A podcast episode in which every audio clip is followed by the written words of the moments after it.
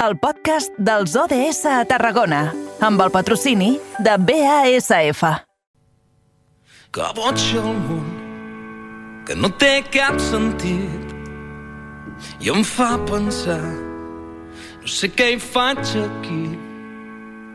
Que boig el món, que no el puc entendre mai, ja pots lluitar amb constància que un dia et fot un cop amb tanta força que et deix sol.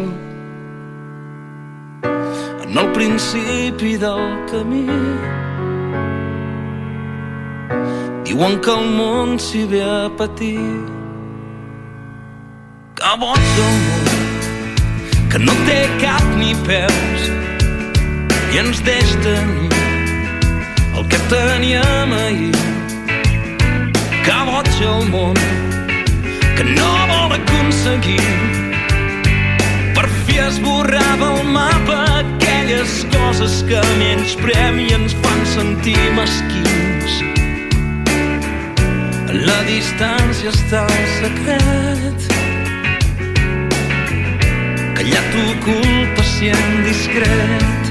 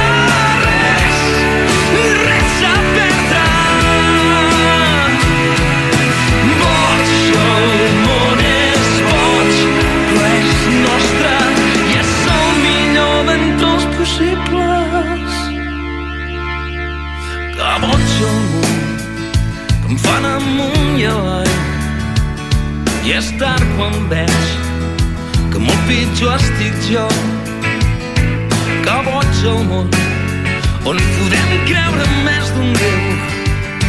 I això ens obre les ales de la vanitat. Podem ser injustos i malvats però el pitjor és no saber mai qui mou els fils al teu terrat Sabia que nosaltres seguim el nostre particular recorregut a l'any 2030, aquest espai que cada dia ens permet acostar als ODS, als objectius de desenvolupament sostenible. Dirigim la mirada cap a aquest àmbit i com cada tarda ho farem de la mà de la nostra companya de la nova ràdio de Reus, l'Angi Aramayo. Angi, bona tarda. Molt bona tarda, Eduard. Escolta, avui parlem de pau, de justícia i d'institucions sòlides. Correcte, avui parlarem de l'ODS número 16, però tu has de concretar una miqueta més, perquè parlarem de pau i de justícia i farem una reflexió sobre tot allò que està passant al nostre món, perquè justament és això el que estan fent des del cicle de xerrades Cambrils Pensa, que va començar el passat mes de gener i durarà fins al juny. I per conèixer més sobre tota aquesta iniciativa tenim avui amb nosaltres el tresorer de l'acte, Cambrils, que és el Salvador Mates. Molt bona tarda i benvingut, senyor Mates. Molt bona tarda. Com dèiem, eh, ara ja porteu unes quantes xerrades d'aquest eh, cicle de xerrades Cambrils Pensa. Fins ara, com està anant tot això? Doncs la veritat és que ens ha sorprès molt l'acollida que hem tingut, no? perquè hem de dir que aquest cicle, aquest, diguem, suposa una reflexió sobre temes d'actualitat, va néixer fa quatre anys de la mà del Banc del Temps de Cambrils, que és una associació ja que porta 15 anys de vida i té una activitat prou intensa. Ells en un primer moment eh, van agafar, diguem, més que ara filòsofs per parlar de temes, diguem, del cada dia des d'un punt de vista filosòfic i enguany hem decidit fer un pas endavant, que és un pas endavant per buscar un auditori més ampli, triar temes de molta actualitat i s'han ajuntat forces amb ACTA, que ACTA som el cineclub de Cambrils, no? que sóc el tresorer, uh -huh.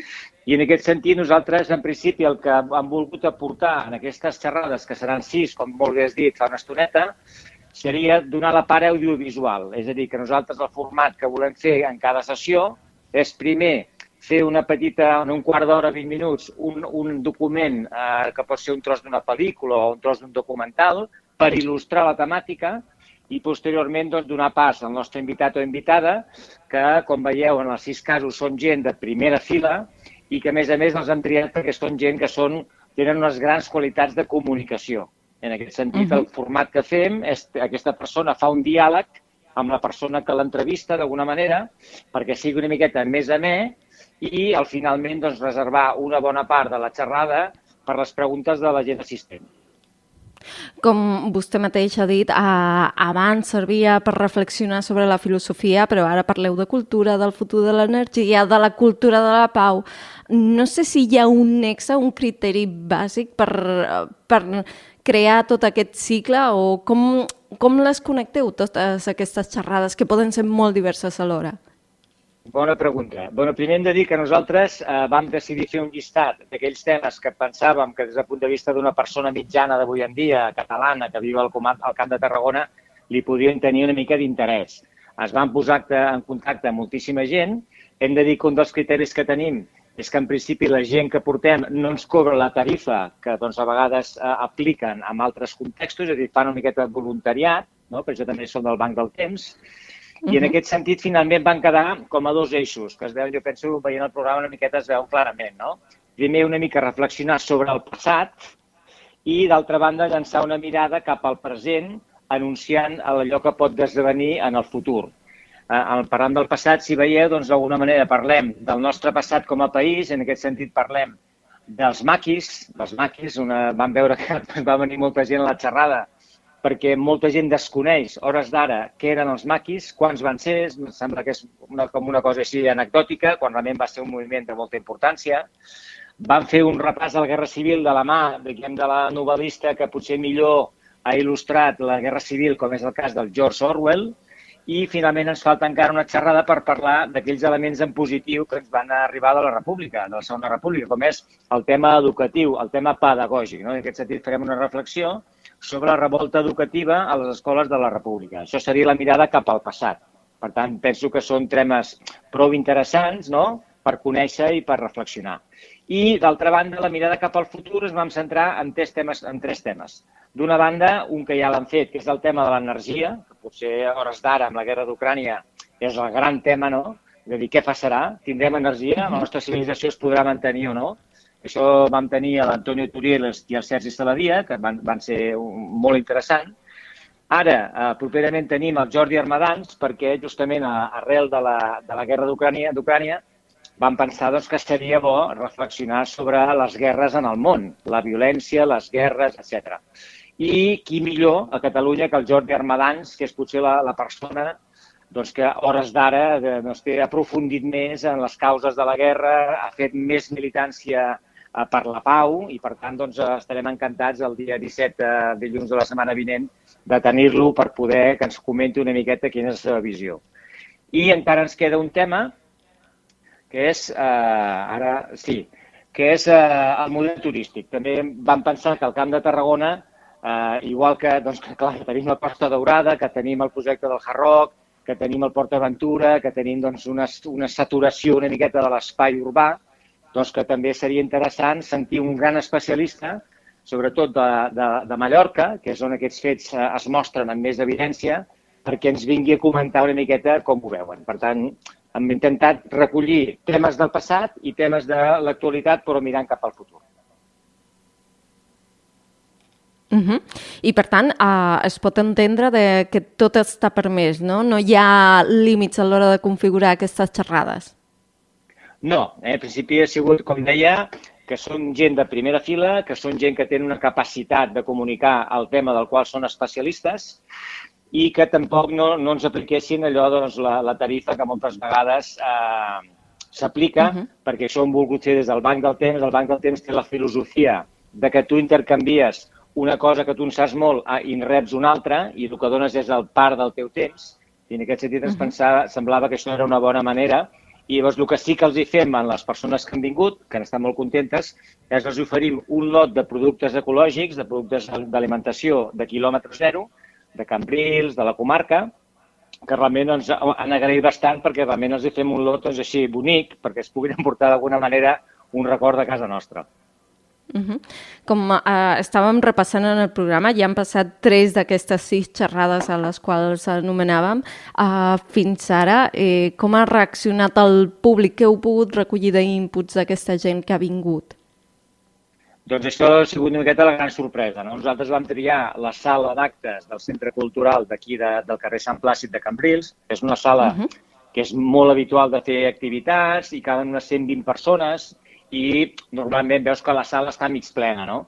Aquesta vegada, bueno, el primer dia, el de l'Antonio Turiel, realment estàvem desbordats, vull dir, la gent no sabia on seure, i es van pensar que potser seria per la figura del Turiel, que és una persona que en el tema d'energia realment avui en dia doncs, sap molt, intervé molt i és molt conegut.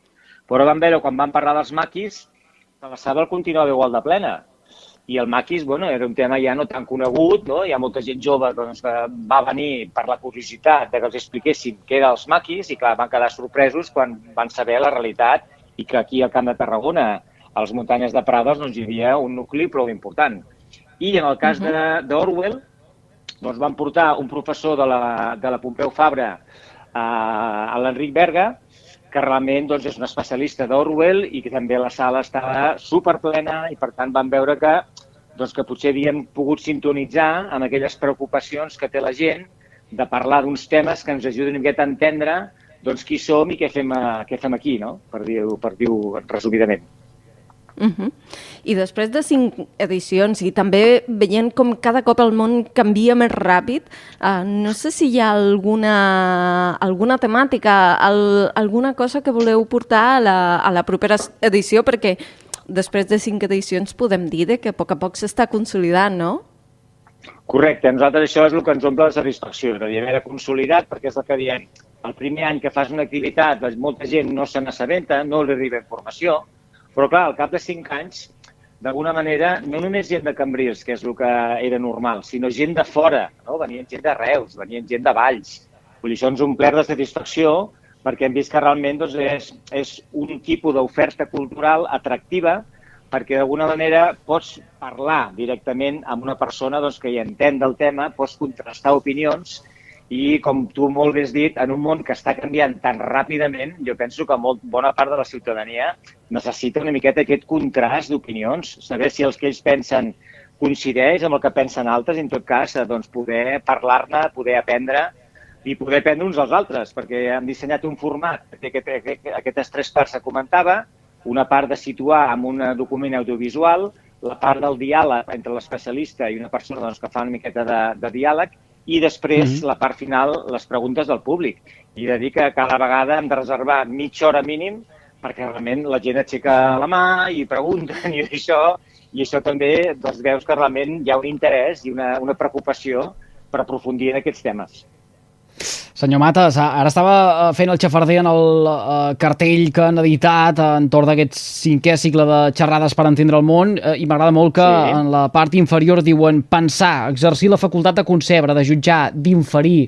Pensem prou o, o preferim que ens donguin les coses mastegades i haver de pensar o reflexionar poc? Doncs justament aquest és el punt que nosaltres volem incidir, no? de dir, escolta, anem a fer una reflexió col·lectiva, perquè jo penso que les reflexions les podem fer ja a nivell individual, cadascú les anem fent, però de quan en quan sí que convé fer una reflexió col·lectiva i enriquir-nos amb les experiències d'uns dels altres. No? Nosaltres, per exemple, jo poso sempre l'exemple de quan fem les pel·lícules del Cineclub i fem després la tertúlia, que dura també una mitja sí. de tres quarts, doncs d'alguna manera, eh, quina és la conclusió que molta gent expressa? De que la pel·lícula que ells havien vist i la que treuen al final després d'enriquir-se de les diverses opinions és una altra pel·lícula. Per tant, vol dir que la mateixa realitat, amb l'enriquiment de les opinions diverses, ens, també ens enriqueixen la nostra pròpia visió i jo penso que això avui en dia és molt important, és el que esteu dient, és que el món està canviant tan ràpidament, els referents canvien tan ràpidament, que hem d'alguna manera poder pensar col·lectivament mm. per situar-nos en aquest món. Compartirem eh, aquesta informació, aquesta eh, imatge de, del cartell a través de les xarxes socials de les emissores que fan possible el programa per tal de uh, fer extensives aquestes uh, xerrades, aquestes conferències a tothom qui ho desitgi. Salvador Mates, uh, tresorer d'Acta Cambrils, uh, gràcies per compartir amb nosaltres aquesta estoneta avui en directe al carrer Major de les emissores de la xarxa al Camp de Tarragona. Gràcies a vosaltres, eh? Moltes gràcies. Bona tarda. Que vagi molt bé. Bona tarda. Passen 5 minuts del punt d'un quart de 7 de la tarda. Àngela Mayo, gràcies també a tu. Que vagi bé fins la setmana que ve. Fins la setmana que ve. Adeu.